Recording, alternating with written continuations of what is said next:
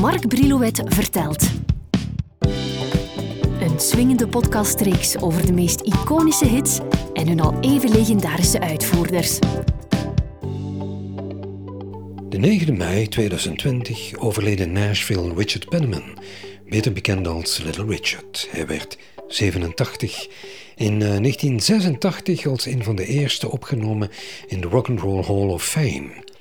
Misschien heeft hij al die jaren slechts één echte rivaal gekend, Jerry Lee Lewis, maar iedereen is het erover eens dat hij tussen 1955 en 1959 de meest ruwe rock'n'roll neerplantte zonder ook maar enige toegeving te doen aan de commercialiteit van het genre.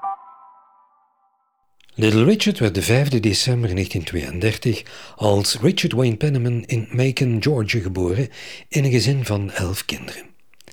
Zijn vader Charles was predikant. Het lag dus voor de hand dat hij samen met zijn broers, Richard dus, en zussen in het kerkkoor belandde. En daar leerde hij gospel tot in de kleinste details.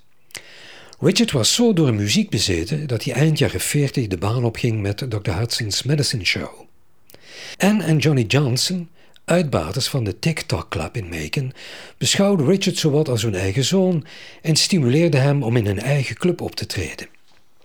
In zijn vrije uurtjes zong Richard ook bij B. Brown's Orchestra en voor de rest kwam hij als vaatwasser aan de kost.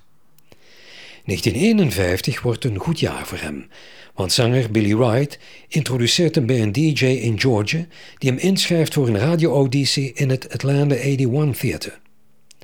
Deze DJ had ook een goede connectie bij RCA en op 16 oktober 1951 mag Richard zijn plaat opnemen in Atlanta, Georgia.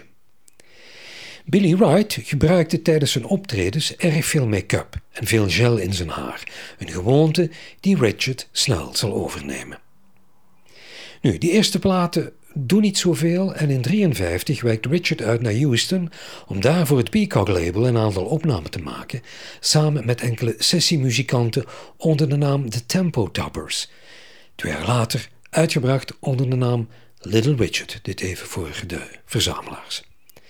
In 1954 ontmoet Richard Lloyd Price, die hem adviseert zijn bluesdemo's door te sturen naar Art Roof van Specialty Records in LA. Een gouden voorstel, want hij mag uh, songs inblikken bij de Crescent City Rhythmus sectie, te horen op vele Fats Domino platen. En ook samen met producer Robert Bums Blackwell, die van dan af ook Richards manager wordt. Deze sessie bevat opnamen als Kansas City en de door hemzelf geschreven Tutti Fruity. Robert Blackwell dringt er bij Richard op aan tijdens de opname een echte live-sfeer te creëren en zijn hysterische schreeuw wordt van dan af aan ook Little Richards handelsmerk. In februari 56 wordt Tutti Fruity een rockende nummer 17 en blijft zo'n 12 weken in de top 100.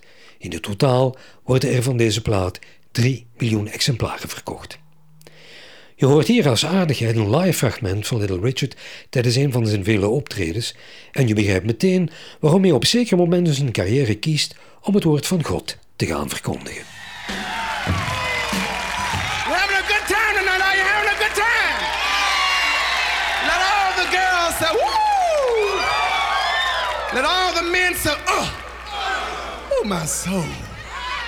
My, my, my, my, my, my, my! What a swinger, what a banger, what a humdinger. Ooh, my soul.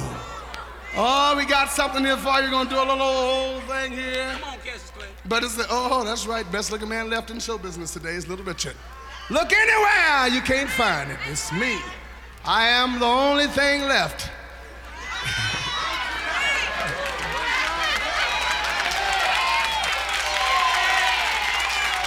hey, that's enough. I know you dig it. Thank you. We're gonna do a little number go like this. I hope that you like it. It's an old number, but it's a groovy little number, and we must do it. Oh, my, my, my, my, my.